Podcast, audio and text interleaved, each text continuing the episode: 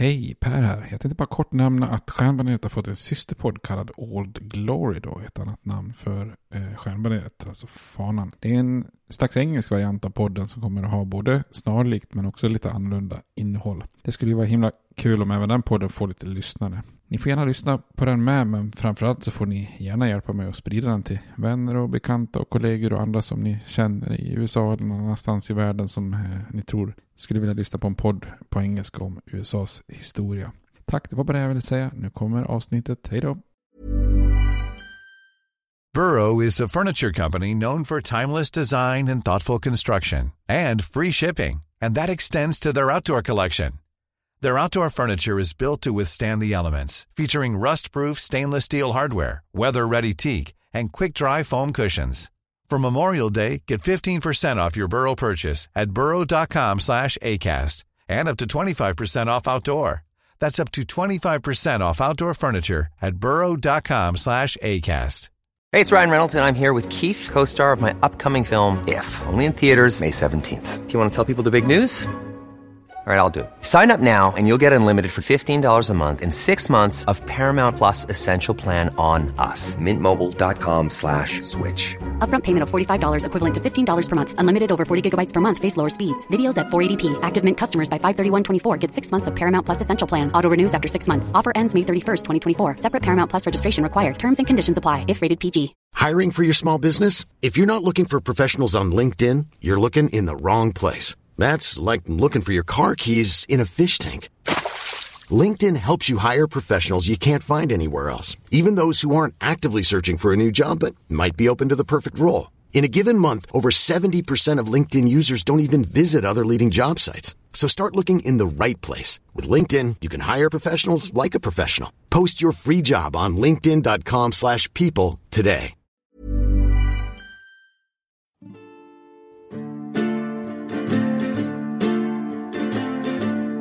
We hold these truths to be self-evident, that all men are created equal, that they are endowed by their Creator with certain unalienable rights, that among these are life, liberty, and the pursuit of happiness. Now we are engaged in a great civil war, testing that government of the people, by the people, for the people, shall not perish from the earth. And so, my fellow Americans, ask not what your country can do for you. Ask what you can do for your country. I have a dream. My four little children will one day live in a nation where they will not be judged by the color of their skin, but by the content of their character. Mr. Gorbachev, tear down this wall. I did not have sexual relations with that woman, Miss Lewinsky.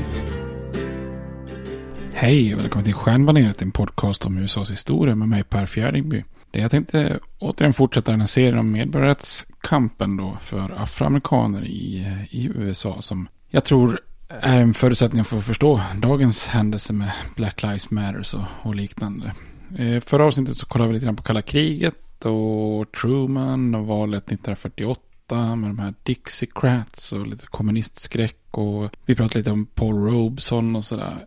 Jag upptäckte när jag redigerade här att det, det lät som att jag, eh, när jag pratade om Dixie-demokraten där eh, från South Carolina där, eh, så lät det som att jag sa Storm Thurman, men för att vara lite tydlig, han heter ju Strom Thurmond. Eh, sen vart jag påminn här, även om vi lyssnade och det hörde jag också när jag spelade in här att jag verkar vara, mm, eh, jag har fått in det här NWA rapgruppen i min, eh, så att jag istället för att säga N ACP så har jag några gånger sagt NWACP. Vilket ju egentligen blir lite galet då, för det är ju NAACP, alltså National Association for the Advancement of Colored People och ingenting annat när jag pratar om NAACP då. Men jag hoppas att ni har Eh, förbi, kan förbise eventuella uttalsfel och så. De gör det ju inte lätt för när man heter till exempel W.E.B. Du Bois och, ska, och grundar NAACP. Det var de som saknade också lite grann eh, min, min lilla ölhistoria och lite tips och sådär. Eh, jag, jag, tänkte när jag gjorde den här serien att jag bara tog en liten paus från det. Så att jag kommer komma tillbaka till det. Jag vet ju att vissa tycker att det kanske är lite brust man hoppar förbi och andra tycker att det är väldigt trevligt att få lite annan information också än bara USAs historia. Då. Men jag återkommer, jag lovar, när vi kommer till någon annan serie.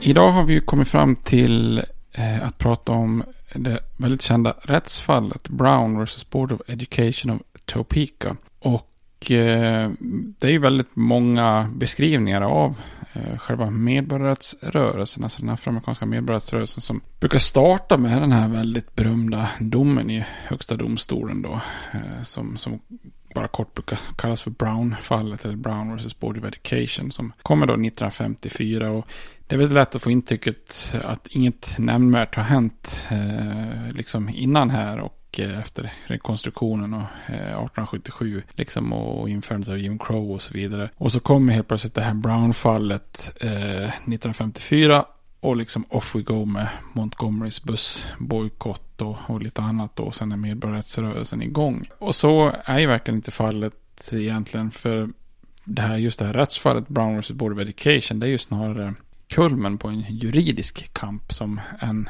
WACP då fört sedan 20-talet och som ökar i omfattning och in intensitet då under 40-talet eh, och leder då till den här kulmen eh, på 50-talet.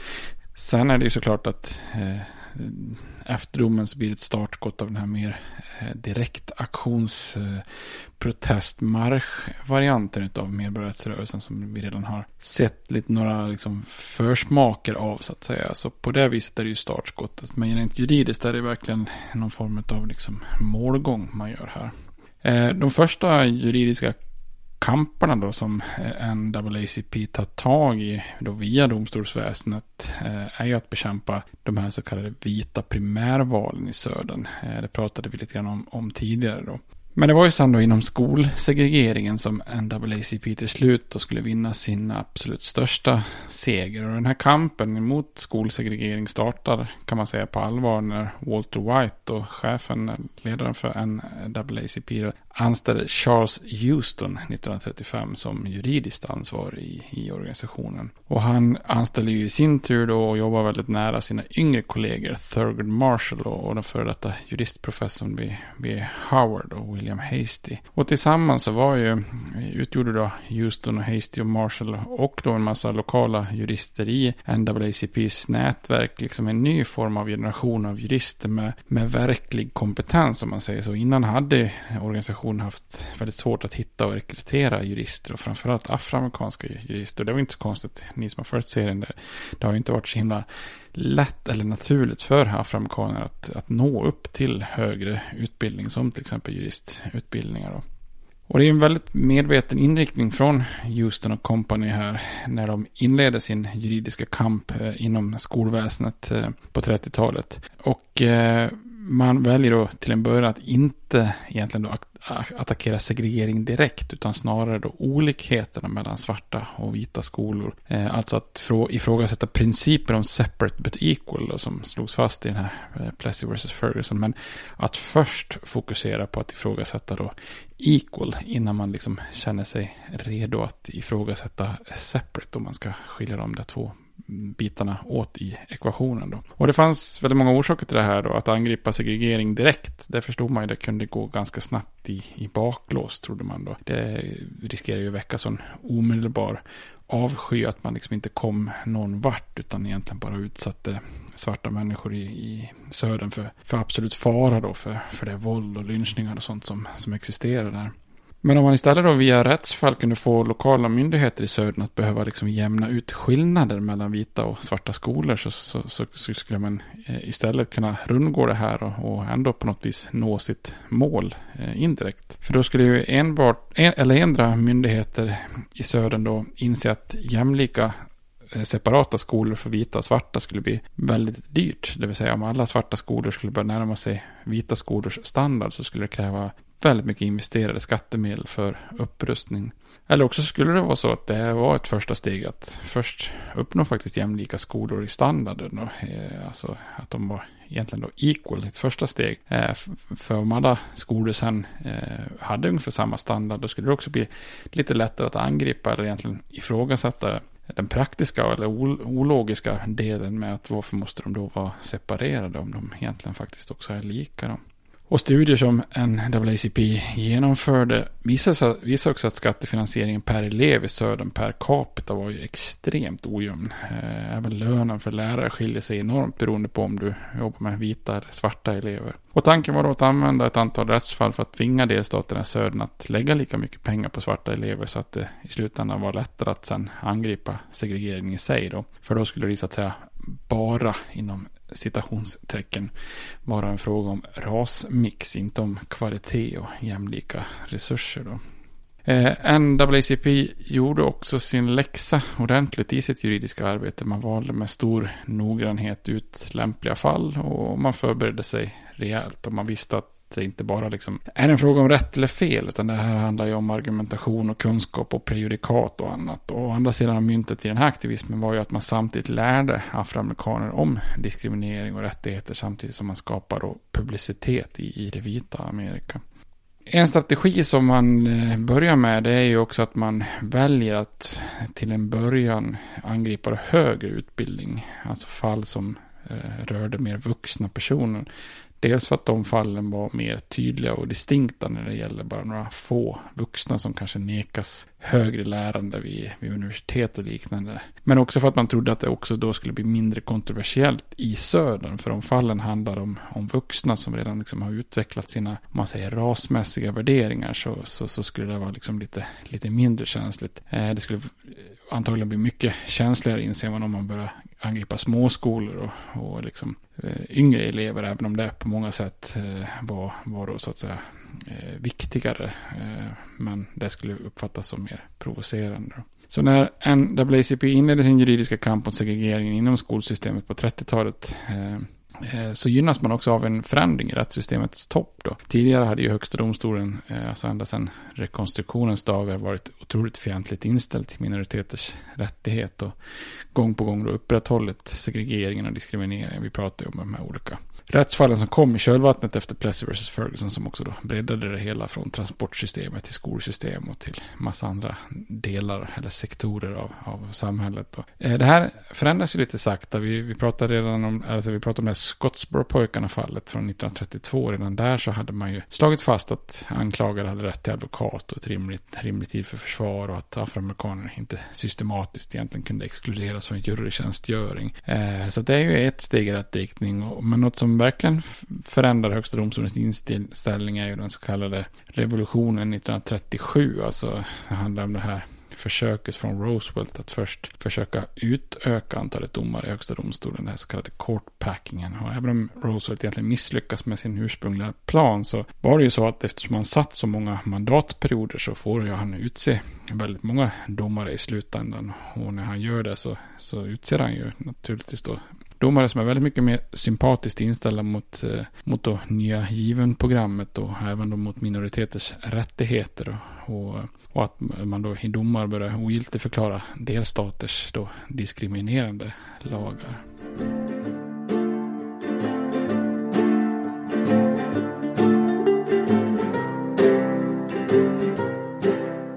Första framgången kom i ett fall som heter Murray vs. Pearson 1936 då. Eh, Afroamerikanen Donald Murray, jag på säga Douglas Murray, men en eh, hockeyspelare.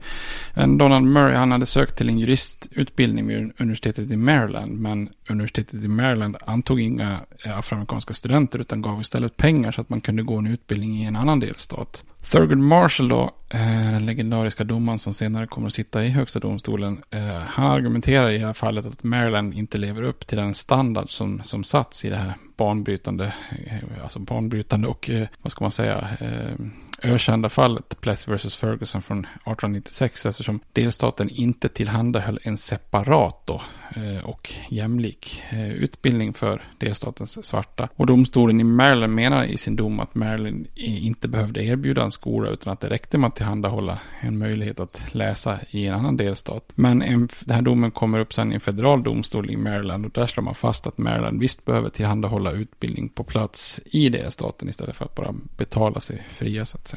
Framgång föder ju lätt framgång och bara två år senare så kommer nästa framgång för NAACP då inom skolsegregering i fallet Gaines vs. Canada 1938 som också då är ett fall, eller som också, eller snarare ett fall som faktiskt når högsta domstolen då. Och det handlar om Lloyd Gaines, en afroamerikansk student som ansökt om att studera juridik vid University of Missouri Law School då. Och registratorn som heter då Silas Canada, eh, därav då rättsfallets eh, namn då, vägrar att skriva in honom som elev. Och vid den här tiden så erbjöd också Missouri eh, svarta studenter bidrag för att studera i andra delstater. Bara man liksom slapp ha dem på sina egna helvita skolor så försökte man liksom köpa sig fri från det. Eh, Charles Houston som som verkar ha liksom mer eller mindre rekryterat Gaines eh, drev det här fallet till, till domstolen. Och när det här nådde högsta domstolen så slog domaren Oliver Wendell Holmes i en 6 mot 2 dom fast att delstaten Missouri behövde erbjuda svarta studenter en möjlighet att studera juridik i en delstatsfinansierad skola. Annars var det ett brott mot konstitutionens 14 tillägg om equal protection of the law då, som, som det står där. Eh, och även om Lloyd Gaines själv eh, faktiskt försvann lite mystiskt så skapade eh, Missouri ändå en juridikkurs för svarta på Lincoln University.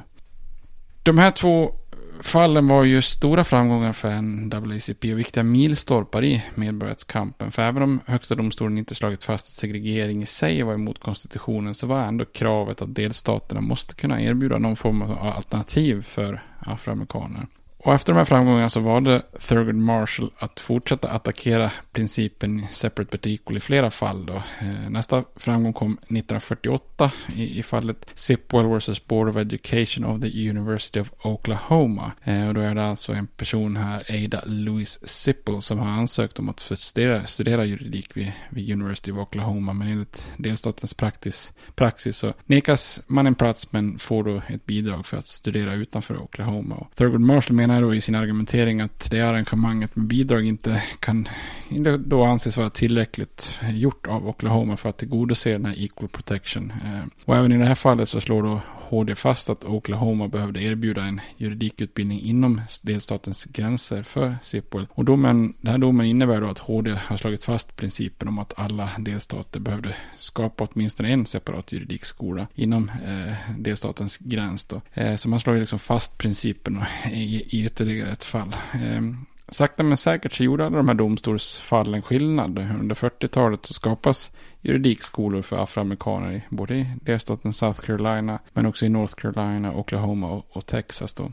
Eh, mitt i framgången så ska man ju komma ihåg att det är en väldigt tuff och djärv kamp som de här eh, advokaterna eller juristerna på NAACP för då. Eh, när man driver de här fallen då som advokat i södern så blir de ju ofta utsatta för trakasserier och våld och inte sällan när man reser till en ort där fallet ska upp i en domstol, lokal domstol så, så vägrar ju hotellen att låta dig bo där och restaurangerna serverar inte så inte helt ovanligt så behöver ju då eh, NAACP exempelvis advokater försöka bo då som inneboende hos symp sympatiska då, lokala afroamerikanska familjer eh, som, som då inneboende, vilket i sig då kan skapa problem för familjerna. Så att det här är ju liksom ett, eh, en tuff kamp och, och, och, och, modiga människor i led på led kan man säga som börjar eh, gnaga ner systemet så att säga. Och när de här advokaterna också kommer till domstolslokalerna så erbjuds de kanske som bäst någon skrubb eller garderob där de får sitta och förbereda sig för fallen då. Och inte normala rum och kontor som, som andra vita jurister. Då. 1950 kommer ett par domar som ändrar inriktningen på NAACPs juridiska kamp och får dem att attackera själva segregeringen i sig då, snarare än just principen om, eh, om liksom kvalitet i skolan. Då. Det första fallet är, är Sweat vs. Painter från 1950. Då. Herman Sweat är en afroamerikansk brevbärare som har ansökt om att få studera vidare då, studera juridik i Texas. Eh, universitetet nekar honom inträdet på universitetet, men de vet ju också att nu att de måste kunna erbjuda något alternativ utifrån de här tidigare fallen. Och då skapar man liksom då i all hast en, en separat juristskola i en källarlokal i Austin då. Och den här hastigt inrättade man får nästan kalla det för inom citationstecken, källarskola var ju liksom egentligen bara som en avsedd plats då. Man hade sett till att, eh, liksom att det fanns något liksom minimalistiskt rum i källaren där man kunde eh, studera på något sätt. Då. Om man tänker att bara vilja ha, liksom, ha en lokal, eh, några böcker som kan utgöra ett eh, bibliotek och lite material och, och, kanske att någon kommer och håller en, en, en, eh, en lite undervisning så, så har vi faktiskt inrättat en juristskola. Men det här blir ju som ett dåligt skämt då i kvalitet jämfört med vita universitet. Då. Det är ju knappt som att man kan kalla det här för skola då. Men Texas tyckte då att man ändå följde lagen då. Och i sin argumentation menar ju Thurgood Marshall att den här eh, svarta juristskolan var ju så undermålig att det också stred mot equal protection enligt det här 14 tillägget. Och högsta domstolen köper argumenten och, och ställer sig på Sweats och eh, NAACPs sida. Man menar att eftersom en separat skola inte kunde uppföras så hastigt och hålla någon form av grundläggande kvalitet eh, så beordrar man helt enkelt eh, universitetet i Texas där att anta Sweat till den ordinarie vita juristutbildningen. Så det här domen är också ett stort genombrott. Det är första gången liksom i historien som högsta domstolen dömde att en helt eh, vit skola tvingades liksom att anta en, en afroamerikansk elev.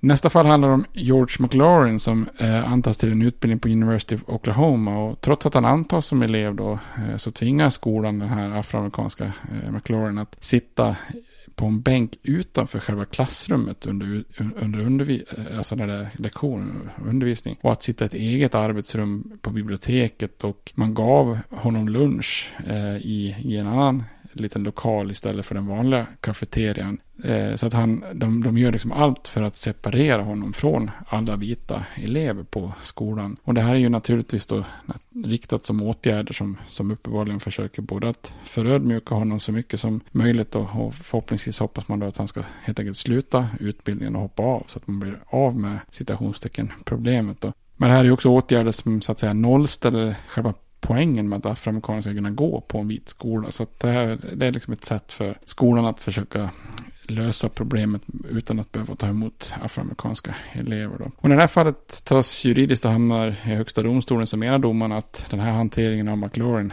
är så drastisk att den innebär att han egentligen hindras i sina studier. Alltså sitter utanför eh, klassrummet och måste ha eget rum och så vidare. Så, eh, så kan du inte diskutera med lärare och andra elever och, och då kan du liksom inte fullborda din utbildning. Så att eh, skolan beordras då av domstolen att behandla McLaurin som vilken annan vit student som helst. Då.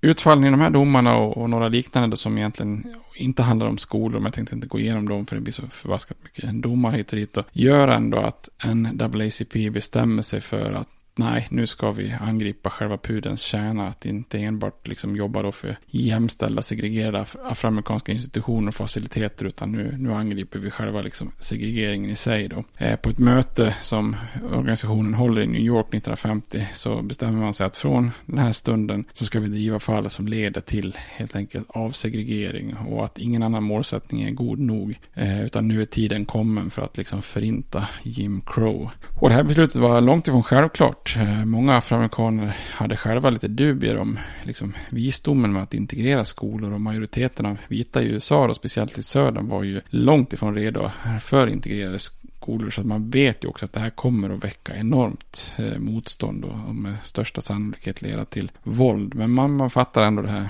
beslutet att göra så här.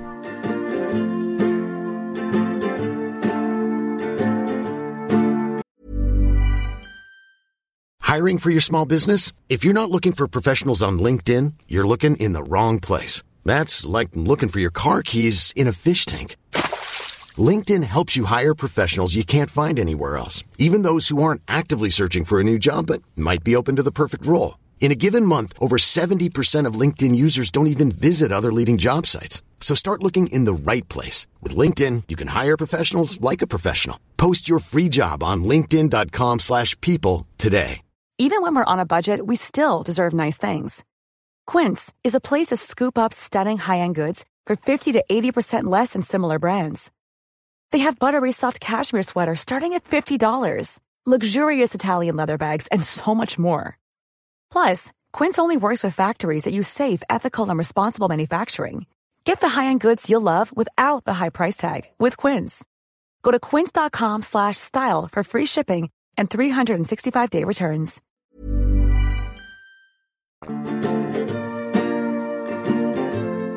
Strax eh, innan NAACPs beslut om att angripa segregeringen i sig så har man också börjat drivit rättsfall som inte bara handlar om vuxenutbildning utan även rättsfall mot skolor på lägre nivå, alltså grundskolor. Och det är ju ett antal av de här rättsfallen mot grundskolor som, som då har inletts 1950 som sen då banar vägen för det här banbrytande Brown vs. Eh, Board of Education of Topeka. Då. Ett av de här fallen var Briggs vs. Elliot i, i Clandron County i South Carolina. Eh, där det finns 30 bussar för vita barn som kunde åka till skolan men inte en enda buss som var avsatt för afroamerikanska barn. Så flera svarta barn får gå då flera mil om dagen för att komma fram och tillbaka till skolan då medan de vita barnen bekvämt åker buss. Eh, och den lokala predikanten Joseph Delaney och en grupp föräldrar ville förbättra situationen för de här afroamerikanska barnen. Eh, men när ordföranden för countyts eh, schoolboard som heter Roderick Elliot fick eh, en förfrågan om bussar även till de svarta barnen så svarade han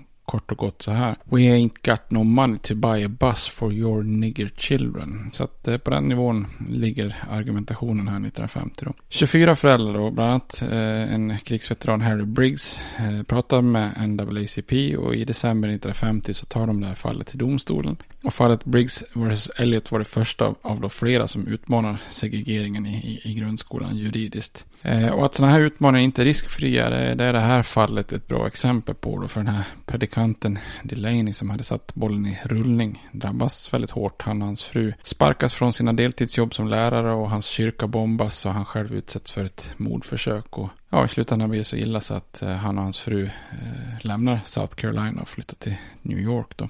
Det fall som sen senare ska få liksom namnge det här sammanslagna fallen då, eh, som då blev det här Brown-fallet, härstammar från staden Topeka i Kansas. Och på ett sätt är ju det här fallet egentligen lite avvikande då alla andra fall som ägde rum eh, som man drev då var i forna konfedererade stat, delstater då, eh, där rasismen var väldigt stor medan Kansas är ju normalt inte en delstat man tänker sådär supermycket på när det gäller Jim Crow-segregering. Den afroamerikanska befolkningen var ju eh, väldigt relativt liten för det första i delstaten Kansas och även i staden Topeka då. Eh.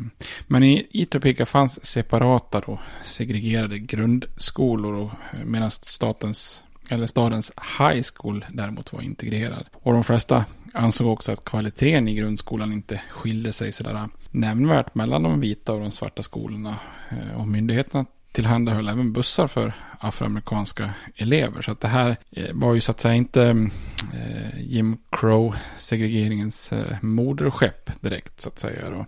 Men det är ändå här ett fall dyker upp då. Situationen var ju dock så att många vita elever hade väldigt kort promenadavstånd till skol, sina skolor. Medan vissa afroamerikanska elever tvingades resa ganska långt för att komma till sina skolor. Eh, och en sån elev var Linda Brown eh, som tvingas att gå först några kvarter förbi ett område med järnvägsspår för att sen då ta bussen till en helt annan del av staden. Och hennes väg till skolan eh, var ju nästan då en och en halv timme enkel väg. Eh, trots det här så fanns det ju en skola bara några minuter bort ifrån där hon bodde. Men det var ju då en vit skola som hon inte fick gå på när hennes eh, pappa försökte få henne inskriven där då. En lokal NAACP-ledare övertalar Linda Browns far, som heter Oliver Brown, att ta fallet till domstol. Den jurist från NAACP som tar hand om eh, fallet var Robert Carter.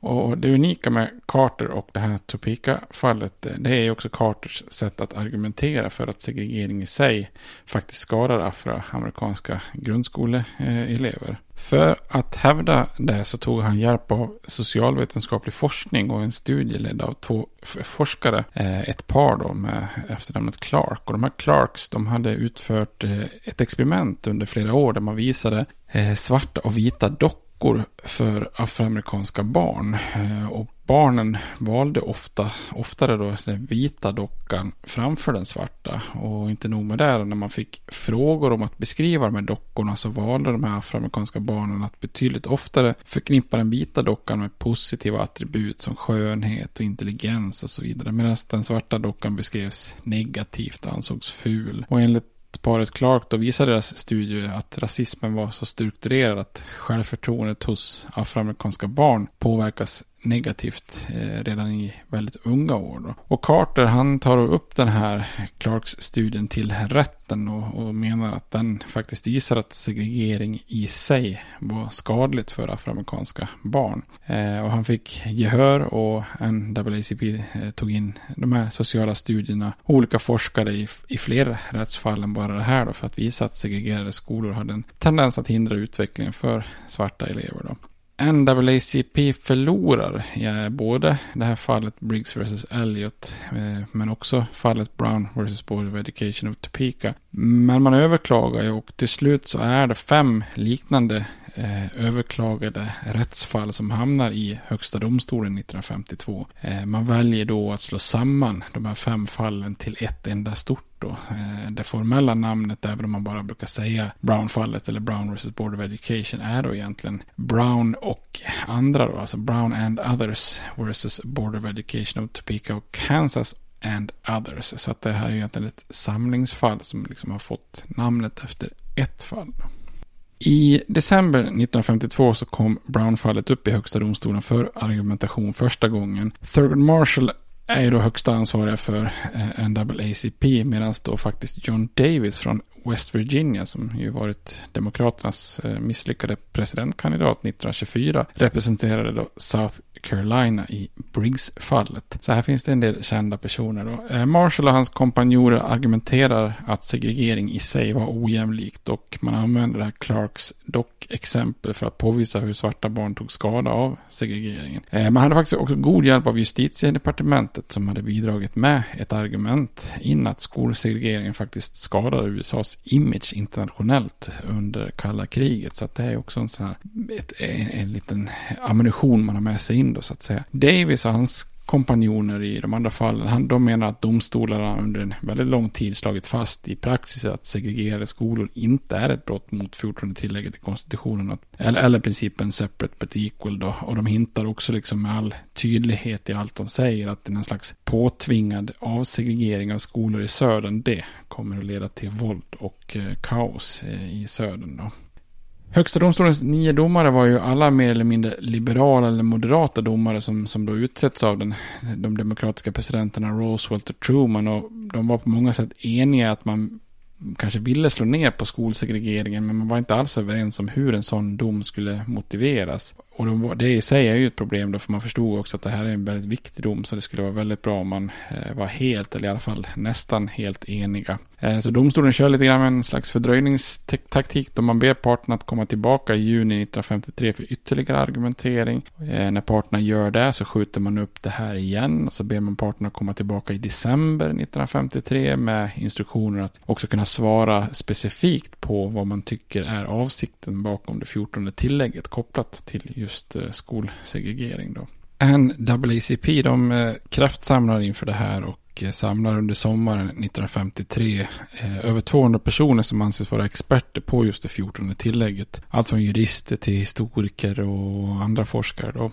Men det som kanske mest påverkar det här Brown-fallet det är ju när chefsdomaren Fred Winson plötsligt dör då i september 1953. Eh, många inom NAACP då tror att det här kommer påverka fallet negativt. För den nya presidenten är ju republikanen Dwight Eisenhower som inte direkt är känd som någon förkämpe för afroamerikanska rättigheter. Och som ny chefsdomare så utser han Kaliforniens guvernör Earl Warren då. En man som hade rykte om sig att vara en lite lag och ordningsman. Många av er känner igen Earl Warrens namn kanske. Eh, och det är ju kanske för att han är känd för att han ledde den här Warren-kommissionen som utredde mordet på John F. Kennedy bland annat. Många har ju också pekat på att han var ju guvernör i Kalifornien under kanske den mörkaste perioden här under andra världskriget där väldigt många japaner och japanska amerikaner sattes i, i princip i någon form av koncentrationsläger längre in i landet och eh, att den här fruktansvärda diskrimineringen mot en etnisk minoritet kanske satt sig på hans samvete och, och, att han också då ville revanschera sig här då. Så Warren han överraskar positivt. Bakom kulisserna så jobbar han väldigt hårt för att skapa en enhällig dom då bland de här nio domarna. Och han lyckas med det som Winston inte har kunnat då att få starka personligheter som bland annat domarna Felix Frankfurter och Hugo Black att eh, ställa sig bakom samma motivering i fallet då. Så han övertalar dessutom då den mest konservativa domaren Stanley Reed som kom från den forna slavstaten Kentucky att också han då ställer sig bakom ett avslut på skolsegregeringen. Så den 17 maj 1954 kommer den här stora segern då den största av dem alla för NAACP då, afroamerikaner och medborgarrättskampen dittills då. Och det är en enhällig dom, 9-0 då, eh, alla domarna för. Eh, I fallet Brown vs Board of Education of Topeka då, eh, som var då det här samlingsfallet. Eh, eh, domen är skriven, det finns ju alltid en domare som skriver en dom i högsta domstolen och den är skriven av Warren själv då, chefsdomaren, nya. Och det här fallet upphäver ju då den tidigare Plessy vs. Ferguson och förklarar skolsegregering för ett brott mot konstitutionen. Alltså det är inte förenligt med konstitutionen och 14 tillägget. Robert Carter som har haft ansvaret för det första Brown-fallet och Thurgood Marshall som ansvarat för samlingsfallet i, i Högsta domstolen hade båda haft rätt kan man säga. För domstolen hade tagit väldigt mycket intryck av den här sociala vetenskapen och det här experimentet med dockor bland annat. Då. Eh, och i domen menar Warren att den här typen av forskning eh, hade ju inte funnits tillgängligt vare sig när det 14 tillägget antogs eh, 1868 naturligtvis då. Då egentligen skolsystemen och sånt, sånt där var dessutom i sin linda överhuvudtaget i, i, framförallt i södern då. Men heller inte då 1896 när, när, när domstolens företrädare hade röstat i fallet Plessy vs. Ferguson. Men nu menar Warren att 1954 så finns det modern forskning och den visar att rasseparering i skolan skapar en situation där eh, afroamerikanska barn påverkas att känna sig underlägsna och förneka dem likvärdiga möjligheter i livet och the pursuit of happiness, eh, som det heter i självständighetsförklaringen. Eh, domstolen slog också fast då att inom utbildningsväsendet så hade inte den här doktrinen separate but equal någon plats utan som man säger då, eller som Warren säger, separate facilities are inherently unequal. Alltså det, det är en, en eh, kan, separerat kan inte vara jämställt. Då. Eh, som en parentes kan man faktiskt också nämna att högsta domstolen eh, faktiskt citerar Gunnar Myrdals den här An American Dilemma som vi som jag pratade om i tidigare avsnitt då, så att säga. Det viktigaste med Brown-fallet var ju dess bredd och om man säger, indirekta följd. Genom att göra segregering illegal eh, för all offentlig utbildning över hela landet så indikerar ju domstolen också att all form av, eh, all form av segregering eh, är illegal. Och från och med 1954 kunde man ju utgå ifrån att högsta domstolen skulle ställa sig bakom typ all civilrättslig lagstiftning som var emot segregering.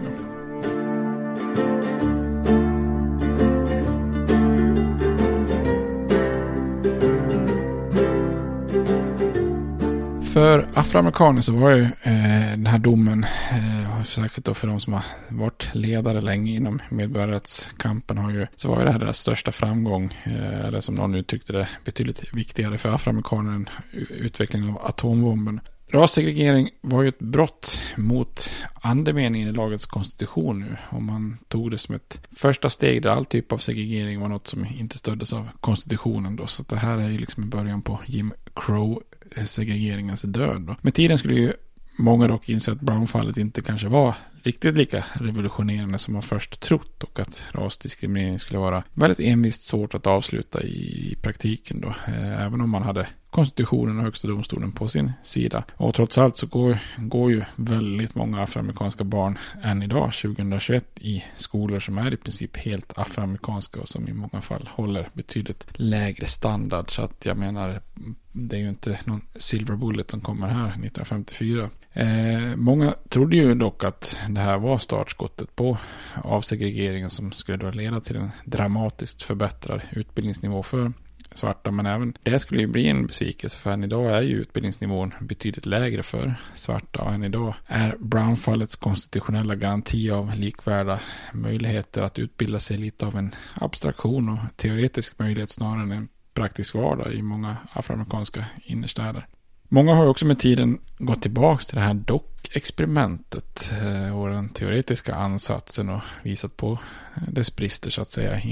Integrering av skolor gav ingen större effekt. Eh, man har också lyft fram att många afroamerikanska politiska ledare och företagsledare och andra framgångsrika svarta har, har ju faktiskt också sin bakgrund på just svarta skolor. Så man kan ju vara framgångsrik även om man inte går på en integrerad skola. Eh, 2005 gjordes det här dockexperimentet om och då visade det sig att svarta barn som gått i integrerade skolor snarare hade en ännu högre tendens att föredra den vita dockan. Och slutsatsen, eh, slutsatsen var då att känslan av rasunderlägsenhet snarare var något som drivs på av media och kanske skönhetsindustrin och sånt där. Eh, och att det påverkade starkare än kanske skol segregering i sig då. Men trots den här senare besvikelsen så var ju då det här fallet Brown vs. Board of Education en framgång och en milstolpe i medborgarrättskampen. Fram till 1954 så hade den vita makten haft överhanden och hela tiden framgångsrikt hållit tillbaka alla försök till framgång för eh, afroamerikanska aktivister. Men från 1954 så var ju segregeringsförespråkare den vita makten i södern snarare på defensiven.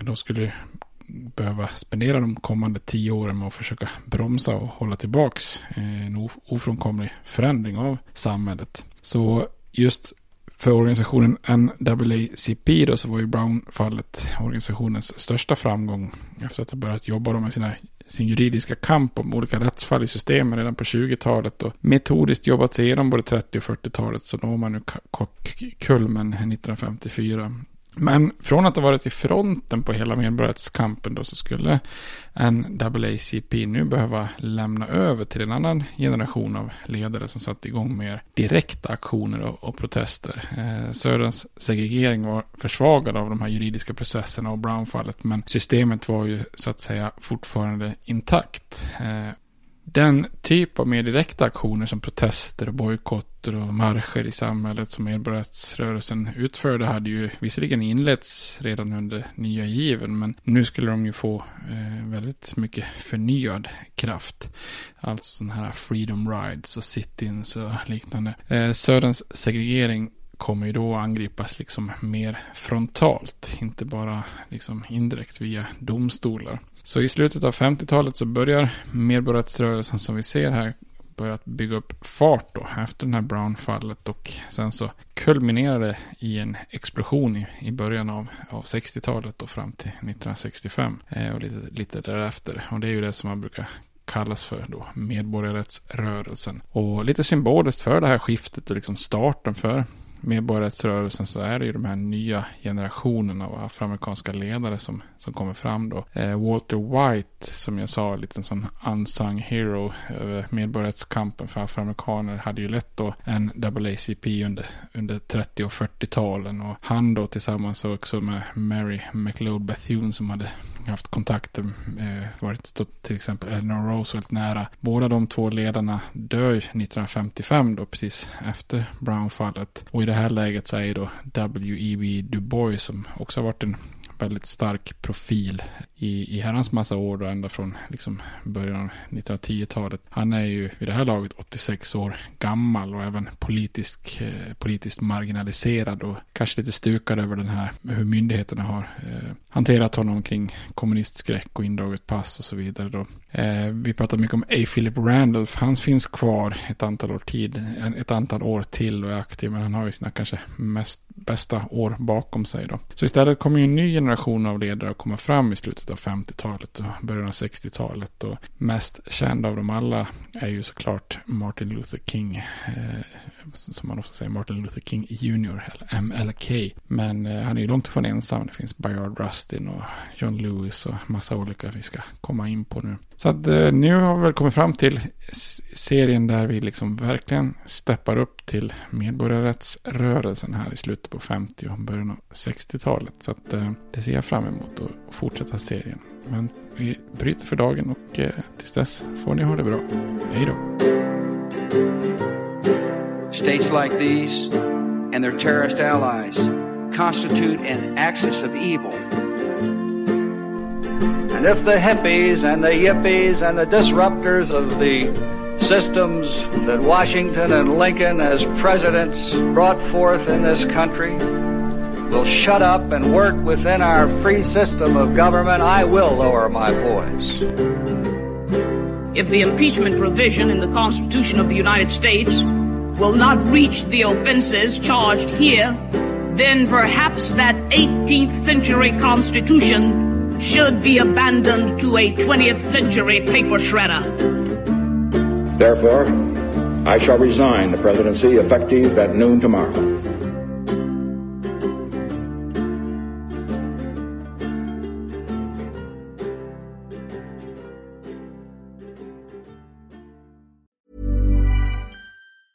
Hey, it's Paige DeSorbo from Giggly Squad. High quality fashion without the price tag. Say hello to Quince. I'm snagging high-end essentials like cozy cashmere sweaters, sleek leather jackets, fine jewelry, and so much more. With Quince being 50 to 80% less than similar brands.